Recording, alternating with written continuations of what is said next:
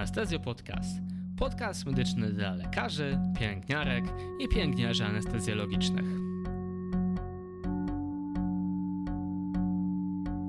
Cykl CRM i bezpieczeństwo. Odcinek drugi. CIRS i kultura bezpieczeństwa. Zaprasza Staszek Nowak.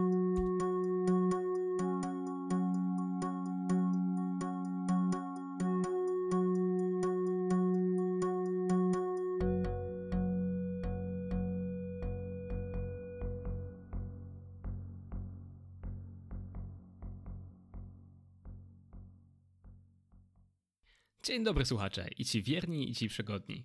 Witajcie w kolejnym odcinku Anestezjo Podcastu. Tak jak zapowiadałem w zeszłym tygodniu, rozpoczęliśmy czteroodcinkowy cykl, który związany jest z bezpieczeństwem zarówno znieczulenia, jak i z bezpieczeństwem w szeroko pojętych sytuacjach kryzysowych.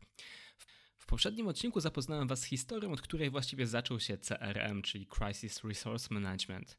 Powiedziałem też, że teraz czekają nas kolejne trzy odcinki związane z tematem CRM.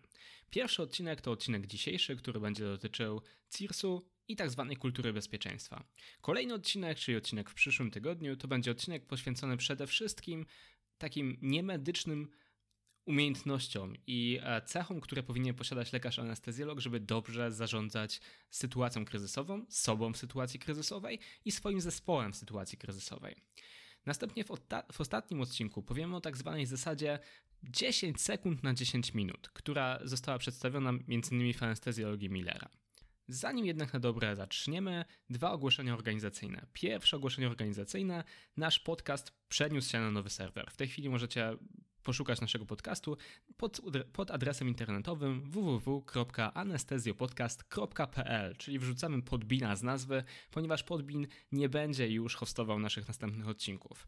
Dla tych wszystkich z Was, którzy używają Podbina do słuchania nas, zasadniczo nie zmienia się nic, ponieważ w aplikacji w Podbinie pod anestezjopodcastem będą umieszczane nowe odcinki już na nowym serwerze. Drugą nowością jest to, że od niedawna można słuchać nas też w Spotify, więc jeśli na co dzień korzystacie z tej platformy, chociażby do słuchania podcastów, możecie nas znaleźć w katalogu Spotify, wpisując w wyszukiwarkę Anestezjo Podcast. W porządku, w takim razie czas przejść do konkretów.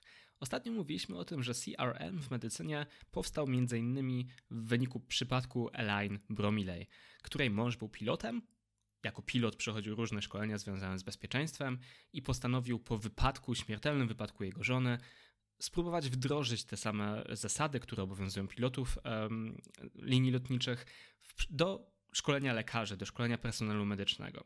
Jak wiadomo, szkolenie pilotów w dużej części przebiega na symulatorach, ale przebiega na symulatorach nie tylko wtedy, kiedy przygotowują się do tego, żeby w ogóle zostać pilotami, ale przebiega na symulatorach również wtedy, kiedy już tymi pilotami zostali. Chociażby w Niemczech piloci dwa razy w roku muszą przejść trening symulacyjny, w którym trenują zachowanie w sytuacjach krytycznych. Jak często my trenujemy w sytuacjach krytycznych? Zwykle wtedy, kiedy jakaś sytuacja krytyczna ma miejsce. A okazuje się, że w lotnictwie aż 70% incydentów, wszystkich incydentów lotniczych, łącznie z tymi, które mają skutek śmiertelny, jest związane z ładnie zwanym po angielsku human factor, czyli czynnikiem ludzkim. I teraz warto sobie powiedzieć o tym, że czynnik ludzki może mieć zarówno znaczenie pozytywne dla sytuacji, jak i negatywne. Mówimy o czynnikach indywidualnych, jak pewność siebie, jak zdolności przywódcze, jak ograniczone zdolności do wielozadaniowości, do multitaskingu, ale też o czynnikach zespołowych, jak komunikacja, jak wspólne modele myślowe w zespole, no i o czynnikach przypadkowych, które zupełnie od nas nie zależą. Czy zareaguję w sytuacji kryzysowej tak samo, kiedy jest godzina 10 rano, jak na 16 godzinie dyżuru? Czy kiedy jestem chory, będę reagował w sytuacji kryzysowej tak samo, jak wtedy, kiedy jestem w pełni zdrowia? Czy jeśli jestem na ulicy i udzielam pierwszej pomocy i osłuchuję pacjenta, a dookoła jeżdżą samochody, czy moje osłuchiwanie będzie tak samo dobre, jak w sytuacji, w której jest zupełnie cicho, kiedy jestem w warunkach właściwie sterylnych? W tych wszystkich sytuacjach mówimy o szkodach, które są możliwe do uniknięcia, które nie zdarzyłyby się, gdyby nie było tego ludzkiego błędu, tego ludzkiego czynnika, który ma wpływ na sytuację. Czy jesteśmy w stanie w 100% wyeliminować błędy, które mogłyby się nie zdarzyć? Oczywiście, że nie, ale możemy myśleć o tym, żeby zbudować taki system, w, których, w którym prawdopodobieństwo wystąpienia błędu będzie możliwe jak najmniejsze. I takie właśnie myślenie i takie budowanie struktury i systemu, wokół której możemy poruszać się bezpiecznie, nazywamy w literaturze kulturą bezpieczeństwa. I kultura bezpieczeństwa opiera się o trzy główne odnogi: o wartości, o modele i o normy. Jeśli chodzi o wartości, to żeby mówić o kulturze bezpieczeństwa, musimy powiedzieć sobie, że bezpieczeństwo jest naszym najważniejszym celem. Że bezpieczeństwo musi mieć pierwszeństwo przed produkcją, przed wyrabianiem norm, przed e, tym, żeby zarabiać pieniądze. Moja droga słuchaczko, mój drogi słuchaczu, czy choć raz w życiu zdarzyło ci się, że czułaś na sobie albo czułeś na sobie ciśnienie z zewnątrz związane z tym, żeby przyspieszyć swoje działania, związane z indukcją? To jest właśnie ta produkcja, która czasem bywa stawiana przed bezpieczeństwem i może prowadzić do tego, że pacjentowi stanie się krzywda. W moim szpitalu największym przykładem tego, że czasami produkcja jest bez, przed bezpieczeństwem, są pacjenci z ewidentnym wskazaniem do um, intubacji fibroskopowej. Bardzo rzadko robimy intubację fibroskopową, ponieważ trwa to za długo. Mamy wideolaryngoskopy, z których umiemy dobrze korzystać i bardzo często czujemy na sobie ciśnienie, żeby nie robić intubacji fibroskopowej, mimo że pacjent zgodził się na przeprowadzenie takiego postępowania. Trzecia wartość kultury bezpieczeństwa to never forget to be afraid, czyli nigdy nie zapominaj bać się. Kiedy się boimy, stosujemy postępowanie, które jest bardziej bezpieczne. Staramy się zapobiec temu, czego się boimy. Staramy się zapobiec wystąpieniu negatywnego zdarzenia. Dzisiaj przed wprowadzeniem do znieczulenia pacjentki, która była w ciężkim stanie, nabrałem do strzykawki adrenaliny. Jest to postępowanie, którego standardowo nie stosuję. Ale widząc tę pacjentkę, bałem się, że ta adrenalina będzie mi potrzebna. I zrobiłem jeden dodatkowy krok, który kosztował mnie 5 sekund, który zaoszczędziłby mi te same 5 sekund, albo może więcej, bo trzęsłyby mi się ręce, w sytuacji, w której tej adrenaliny bym potrzebował. I ostatnią wartością jest to, że skoro bezpieczeństwo jest naszą podstawową wartością, naszym najważniejszym celem, to dla bezpieczeństwa muszą być dostępne absolutnie wszystkie zasoby. Jakie są modele? Modelem jest aktywne osiąganie bezpieczeństwa, czyli nie czekamy na to, aż coś stanie się bezpieczne, tylko podejmujemy proaktywne działania do tego, żeby procesy bezpieczeństwa poprawiać. Drugim modelem jest, są bezpieczne procesy i rutynowe przebiegi, które są równie ważne jak wiedza i wysiłek. Wiedza i wysiłek jest na nic, jeśli nie mamy rutyny i procesów, które zapewniają pacjentowi bezpieczeństwo. Trzeci model otwarta atmosfera dla myślenia o bezpieczeństwie i błędach. Czy kiedyś zdarzyło Wam się pomyśleć, że można by coś było robić inaczej, że byłoby to z korzyścią dla pacjenta i byłoby bezpieczniejsze, ale zostawiliście tę myśl dla siebie? Z różnych przyczyn, z przyczyn organizacyjnych, z przyczyn hierarchii, z przyczyn Bóg wie jeszcze jakich. Zdarza się, nie powinno. Kiedy ktoś ma jakiś pomysł związany z bezpieczeństwem, powinniśmy zachęcać go do tego, żeby ten pomysł wyrażał. I czwartym modelem jest to, żeby uczyć się zarówno z normalnych, jak i z negatywnych zdarzeń. Jeśli coś poszło wyjątkowo dobrze, czasami warto zastanowić się nad tym, dlaczego to poszło tak dobrze, dlaczego ten proces, który zrobiliśmy w przypadku tego pacjenta, był bezpieczny. Ale co ważniejsze, jeśli coś już pójdzie źle, jeśli nie wyciągniemy z tego wniosków i nie wprowadzimy działań systemowych, czyli takiego, tego właśnie bezpiecznego procesu i rutynowego przebiegu, który będzie zapobiegał wystąpieniu temu, tego działania w przyszłości, to znaczy, że nic nie nauczyliśmy się z tego negatywnego zdarzenia. No i normy kultury bezpieczeństwa. Pierwszą normą jest to, że również pracownicy niższej hierarchii mogą poddawać wątpliwość bezpieczeństwo działań i decyzji wyższych poziomów hierarchii i nie są wobec nich stosowane żadne negatywne konsekwencje z tego powodu. Drugą normą jest to, że zapewnienie sobie pomocy jest wspierane i często przeprowadzane, także, a nawet szczególnie przez doświadczonych pracowników. W ilu algorytmach macie napisane wezwij pomoc? Zwykle jest to bardzo wcześnie. W algorytmie resuscytacji praktycznie na samym początku. W algorytmie trudnych dróg oddechowych bardzo wcześnie. Jak często wzywamy pomoc naprawdę w tym momencie, w którym jest to napisane w algorytmie? Jest to osobne pytanie. Dlaczego nie wzywamy pomocy? Jest to osobne pytanie. Czy jest to związane z kulturą bezpieczeństwa w naszej placówce? Podejrzewam, że tak. Często bywa też tak, że jeśli ktoś już jest doświadczony, że jeśli jest specjalistą, który pracuje już od kilku czy kilkunastu lat, to nie chce wzywać pomocy, bo czuje, że powinien sobie z tym poradzić. Ta fałszywa pewność siebie jest jednym z tych czynników ludzkich, które prowadzą do powstawania e, błędów i szkód, e, które przysporzamy naszym pacjentom. Normą jest to, że dobra komunikacja jest rozprzestrzeniona. Na studiach nie mieliśmy żadnych zajęć z komunikacji. Jeśli nawet mieliśmy zajęcia w centrum symulacji, to były to zwykle zajęcia, które były związane e, raczej z konkretnymi przypadkami i raczej nie zwracało się tam szczególnej uwagi na komunikację. Jeśli w waszym przypadku było inaczej, super, naprawdę ekstra. Jednak jestem w stanie powiedzieć, że w większości przypadków szkolenia, nie tylko w Polsce, ale też na świecie, dobra komunikacja nie jest rzeczą, nad którą pracujemy, a jest super ważna. I zwłaszcza przypadku anestezjologa, który w wielu sytuacjach krytycznych zarządza zespołem, dobra komunikacja jest absolutnie kluczowa i nad tym musimy pracować. I czwarta norma jest taka, że hierarchia jest płaska, czyli personel zarządzający słucha też początkujących pracowników. Kiedy przyszedłem do nowej pracy, to było w październiku 2017 roku, byłem kompletnie nowy w tym szpitalu. Przepracowałem w nim tydzień, po czym mój przełożony wezwał mnie do siebie na rozmowę. Już myślałem, że coś zbroiłem, ale okazało się, że nie. Powiedział: Usiądź tutaj i powiedz mi teraz, co powinniśmy zmienić. To był dla mnie pierwszy sygnał. Oczywiście miałem też swoje pomysły, co można zmienić, ale to był dla mnie pierwszy sygnał, że to, co myślę, niezależnie od tego, jak bardzo początkujący jestem, będzie w tym miejscu wysłuchane i być może, jeśli będzie to ważne, zostanie wprowadzone. I teraz, po tych pierwszych informacjach, chciałbym przytoczyć Wam definicję tego, czym właściwie jest CRM. I brzmi ona następująco.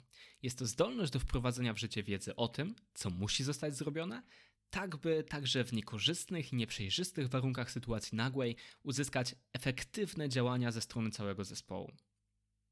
Czyli nie wystarczy wiedzieć, co zrobić, nie wystarczy być w tym wytrenowanym, ale w sytuacji kryzysowej, kiedy adrenalina wypływa uszami, trzeba umieć też działać tak, żeby to, co wiem i to, co umiem, stało się tym, co dzieje się z tym pacjentem. W kolejnym odcinku powiemy sobie o 15 głównych zasadach CRM i powiemy sobie o tak zwanych ANTS, czyli Anesthesia Non-Technical Skills, czyli umiejętnościach nietechnicznych, niemedycznych, które powinien posiąść anestezjolog, żeby dobrze zarządzać swoim zespołem. I zdradzę Wam, przydaje się to nie tylko w sytuacjach kryzysowych. W dzisiejszym odcinku natomiast chciałbym powiedzieć jeszcze o jednej rzeczy, czyli o CIRS Critical Incidents Reporting System system raportowania zdarzeń krytycznych. W wielu krajach na świecie, tam gdzie kultura bezpieczeństwa jest wysoka, jest to absolutnie najważniejszy element służący do tego, żeby poprawiać bezpieczeństwo w placówce. Jest to taki kamień węgielny całego CRS-u. Na czym polega CIRS? Polega na tym, że w szpitalu istnieje system. Jest on online albo w postaci drukowanych arkuszy, który jest kompletnie anonimowy i w którym każdy pracownik, niezależnie od tego, czy ten pracownik jest lekarką lub lekarzem, pielęgniarką lub pielęgniarzem, salowym lub salową, sprzątaczką lub sprzątaczem. Może wpisać przypadek tak zwanych near misses, czyli prawie, prawie przypał, możemy powiedzieć prawie przypał. Generalnie są to przypadki, w których nie doszło do szkody na pacjencie, ponieważ szkodami na pacjencie zajmują się odpowiednie organy, prawda? Natomiast na podstawie tych wszystkich zgłoszeń specjalny zespół, który w tym celu jest powołany w szpitalu, przeprowadza analizę, wyciąga wnioski i proponuje rozwiązania. Te przypadki bardzo często omawiane są też na tak zwanych konferencjach Mortality and Morbidity, czyli zachorowalność i śmiertelność. Te konferencje są organizowane dla wszystkich pracowników szpitala i na nich omawiane są właśnie takie przypadki i rozwiązania, które zostały wprowadzone. W przypadku mojego szpitala system CIRS działa całkiem nieźle. Można zgłaszać te przypadki i dostaje się jakieś wyniki z tych przypadków. Ja pamiętam, że zgłosiłem do CIRS-u tylko jeden przypadek w swoim życiu. Kiedy miałem bardzo małe doświadczenie w anestezjologii dziecięcej, znieczułem do tego momentu kilkanaście dzieciaków, ale nie była to duża ilość. Zostałem sam w sali z sześcioletnim dzieckiem, które trzeba było zaintubować do małego zabiegu laryngologicznego. Zdrowe dziecko, migdałki, wiecie jak to jest. I w momencie, w którym wprowadziłem znieczulenie u dziecka, miałem problemy z wentylacją na maskę. Ponieważ nie czułem się bezpiecznie, postanowiłem od razu wezwać pomoc i powiedziałem swojej pielęgniarce: wezwij pomoc, zadzwoń po kogoś. No i dzwoni. Pierwszy zajęty, drugi zajęty, trzeci zajęty, czwarty zajęty. I w końcu ostatecznie zostałem z tym sam. Zgłosiłem to, dziecko przeżyło, nie? udała mi się w końcu ta wentylacja, udało się zaintubować, wszystko było spoko. Ale Gdyby nie było, to mielibyśmy duży problem, bo nie udało mi się dodzwonić do ludzi, których potrzebowałem do pomocy. I to był właśnie ten przypadek near miss, czyli prawie przypał. Ten przypadek zgłosiłem do CIRS-u i po kilku miesiącach został wprowadzony specjalny system, który wywoływania, w którym kiedy naciśniemy na, na telefonie w sali operacyjnej ósemkę i przytrzymamy ją przez dwie sekundy, to u wszystkich specjalistów naraz odzywa się beeper e, czy, czy pager i dostają oni informację, że w, tym, w tej i tej sali na bloku operacyjnym potrzebna jest pomoc teraz już natychmiast. Zostało wprowadzone i działa. Jest bezpieczniej. Prawdopodobnie kolejny taki przypadek prawie przypału nie zakończyłby się takim moim stresem, jak w tamtym przypadku. W Niemczech dodatkowo w przypadku CIRS-u, w przypadku e, takiego głównego magazynu anestezjologicznego prowadzonego przez lokalne towarzystwo naukowe, istnieje tak zwany Fall des Monats, czyli przypadek miesiąca. E, tam właśnie do CIRS-u przysyła się swoje przypadki, które są analizowane przez grono ekspertów, przez doświadczonych anestezjologów, przez prawników, bo analizowane są one też z punktu widzenia prawnego, a następnie najciekawszy przypadek jest wybierany i razem z tymi opisami jest umieszczany na łamach wydawnictwa i na łamach e, strony internetowej. Muszę przyznać, że jestem bardzo ciekaw Waszych doświadczeń z tym tematem. Czy u Was w szpitalu działa SIRS? Czy u Was w szpitalu jest jakakolwiek kultura bezpieczeństwa? Czy jesteście z niej zadowoleni? Czy boicie się mówić o błędach? A może jest to zupełnie naturalne? Dajcie znać. Chętnie dowiem się. Tymczasem, jeśli w Waszym szpitalu nie działa system CIRS, mam dla Was także propozycję. Na stronie internetowej anestezjopodcastu www.anestezjopodcast.pl w prawym górnym narożniku znajdziecie zakładkę z napisem CIRS. Jeśli zdarzyła Wam się sytuacja, która miała wpływ jakiś na, jakiś na bezpieczeństwo, możecie wejść w tę zakładkę i ją opisać. Chciałbym przeczytać tę sytuację te wasze prawie przypały i z najciekawszych z nich zrobić właśnie taki przypadek miesiąca. Być może będzie to jakiś e, stały cykl naszego wydawnictwa Anestezja Podcastu, jeśli tych przypadków będzie zbierało się dostatecznie dużo. Uważam, że jest to super pomysł, że możemy z tego się wiele nauczyć i mam nadzieję, że będziecie w tym zakresie fajnie współpracować. Dodatkowo, jeśli wyrazicie takie życzenie, to jestem gotowy anonimowo wysłać wasz przypadek CIRS-u do szpitala, w którym pracujecie. Po prostu zaznaczcie odpowiednią zgodę, wpiszcie adres szpitala, to się stanie. Kto wie, może w ten sposób przyczynicie się do poprawy bezpieczeństwa w waszej ulubionej placówce medycznej. No dobrze, rozgadałem się trochę, chyba pora kończyć. Tak jak mówiłem, w następnym odcinku słyszymy się w przyszłym tygodniu. Będziemy rozmawiać o nietechnicznych umiejętnościach anestezjologa i o 15 zasadach CRM według anestezjologii Millera. Dzięki Wam, trzymajcie się, do usłyszenia.